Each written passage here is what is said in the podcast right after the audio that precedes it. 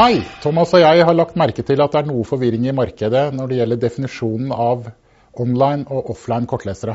Ja, ofte i prosjektbeskrivelser ser jeg at det angis at det skal leveres offline-løsning, når det faktisk er trådløse kortlesere de er ute etter.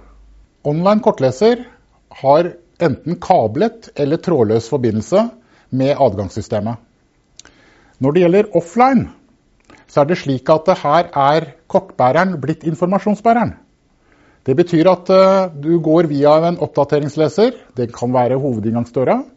Du viser kortet ditt, sånn som dette her. Du viser den på hovedinngangsdøren. Den skriver da til kortet, og du har med deg informasjonen Ut til offline-dørene. Ut til offline-dørene, ja.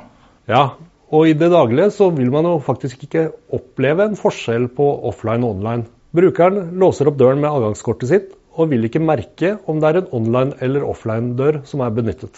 Når vil du eh, anbefale at man benytter eh, online eller eh, offline system?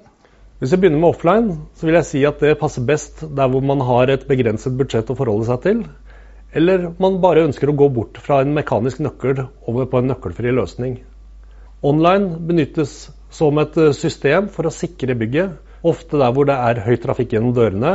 Man vil ha mer funksjonalitet, og man vil ha ulik tilgang for de som skal ferdes gjennom. Enig med deg der, Thomas. Når man ser på et adgangskontrollsystem, selv om man velger offline på innvendige dører, så vil online-dører alltid være representert. Det gjelder skallsikring, det gjelder høytrafikkerte dører, som du nevnte, og ikke minst da dører med høyere sikkerhetskrav. Ja, så En konklusjon vil vel være at eh, budsjettet spiller en stor rolle i valg av løsning for den enkelte dør i bygget om det skal være online eller offline som bør installeres. Det viktigste vil jo være at sikkerheten er tatt vare på. Riktig sikkerhet til riktig dør.